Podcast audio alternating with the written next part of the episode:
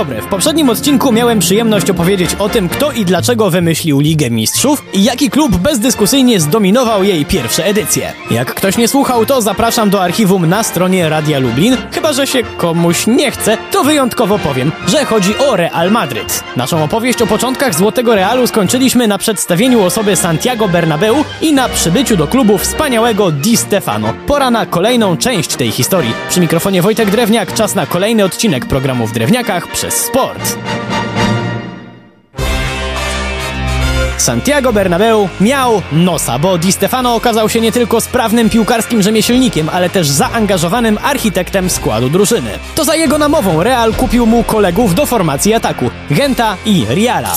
Pomocnicy i obrońcy, również kupowani z głową, grający wokół trzonu, jakim był Di Stefano po ograniu się ze sobą na hiszpańskich boiskach, przystąpili do pierwszej edycji Pucharu Europy, bo tak się jeszcze wtedy nazywała Liga Mistrzów. Kluby z Francji, Włoch, Szwajcarii czy słynący z zaangażowania Partizan Belgrad, nikt nie był w stanie zatrzymać Realu, który przejechał się po przeciwnikach z równą łatwością, co czołg po polu stokrotek. Bernabeu dumnie mógł patrzeć, jakiego pupil Di Stefano wraz z kolegami po raz pierwszy wznosi ten wyjątkowy puchar 13 czerwca 1956 roku. Jednak najwspanialsze w złotych czasach Realu było to, że władze klubu nie osiadały na laurach. Santiago Bernabeu cały czas szukał wzmocnień i nie miał nic przeciwko zdrowej konkurencji w swoim zespole. Tak na przykład do Realu trafił czołowy zawodnik Stade Remi, Raymond Kopa, swoją drogą zawodnik o polskich korzeniach, którego przodkowie nosili nazwisko Kopaszewski.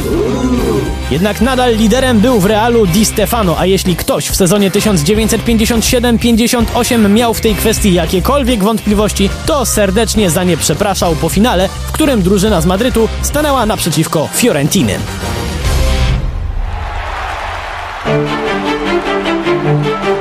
To, że Włosi świetnie grają w obronie jest dziś popularnym stereotypem, między innymi dzięki takim drużynom jak ówczesna Fiorentina właśnie. To było absolutnie ciężkie spotkanie dla Realu, bo choć chłopaki grali z wielkim polotem, to każdy ich atak odbijał się od włoskiej ściany. I nie wiadomo jakby się to wszystko skończyło, gdyby nie, oczywiście, Di Stefano, który otworzył wynik dopiero w 70 minucie, co jak na niego było dość zaskakujące. Fiorentina, chcąc nie chcąc, musiała się zatem otworzyć, poluzować szeregi obrony i to się nie mogło dobrze skończyć. Padła kolejna bramka dla królewskich, a zawodnicy Realu znowu podnosili puchar dla najlepszego klubu Europy. Kiedy piłkarze mieli chwilę zasłużonego wakacyjnego luzu, Santiago Bernabeu nie próżnował. Tym razem postanowił wzmocnić obronę swojego klubu. W sumie to się nie dziwię, bo ciężko mi sobie wyobrazić, żeby można było jeszcze coś poprawić w ataku. Tak czy inaczej, do kolejnego sezonu Real przystąpił wzmocniony o Urugwajczyka, Santa Maria. O ile jak to już mieli w zwyczaju, dobrnięcie do finału nie stanowiło większego problemu, bo Di Stefano i koledzy rozjechali bez sentymentu choćby Sevillę, to w finale, rozgrywanym tym razem w Brukseli, znowu trafili na włoską drużynę, jednak w odróżnieniu od Fiorentiny przed rokiem, AC Milan wcale nie zamierzał się tylko bronić.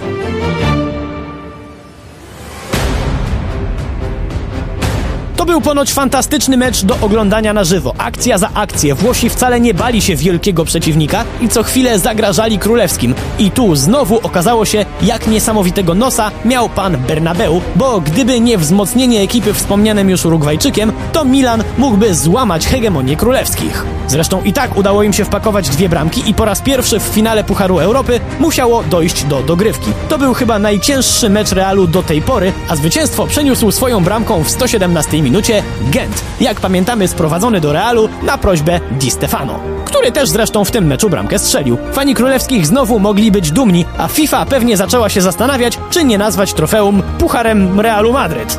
I kiedy wszyscy myśleli, że Santiago Bernabeu wykorzystał już limit piłkarskiego zmysłu, ten przeszedł samego siebie decyzją, która początkowo wydawała się zwyczajnie głupia. Otóż w ramach dozbrajania Realu przed kolejnym sezonem, latem 1958 roku, Bernabeu sprowadził do Madrytu zawodnika światowej klasy, Ferenca Puszkasza. Przy czym zawodnikiem światowej klasy to on był dwa lata wcześniej, jak uciekał z Węgier, a kiedy pan Santiago zaproponował mu grę dla Realu, to Puszkasz półtora roku był już bez klubu, za to ze sporą nadwagą.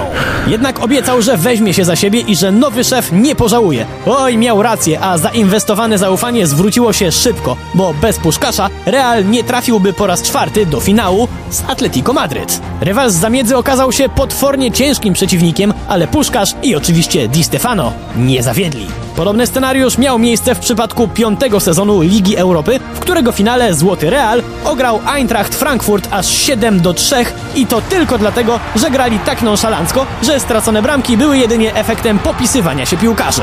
Jednak fani w zamian za tak piękne widowisko byli to w stanie wybaczyć swoim idolom. Niestety dla tych właśnie fanów mistrzowska passa nie mogła trwać wiecznie. Złoty okres gry Realu brutalnie przerwała w kolejnym sezonie FC Barcelona, ale historia rywalizacji tych dwóch klubów to już opowieść na inny raz. Przy mikrofonie był Wojtek Drewniak. Do usłyszenia.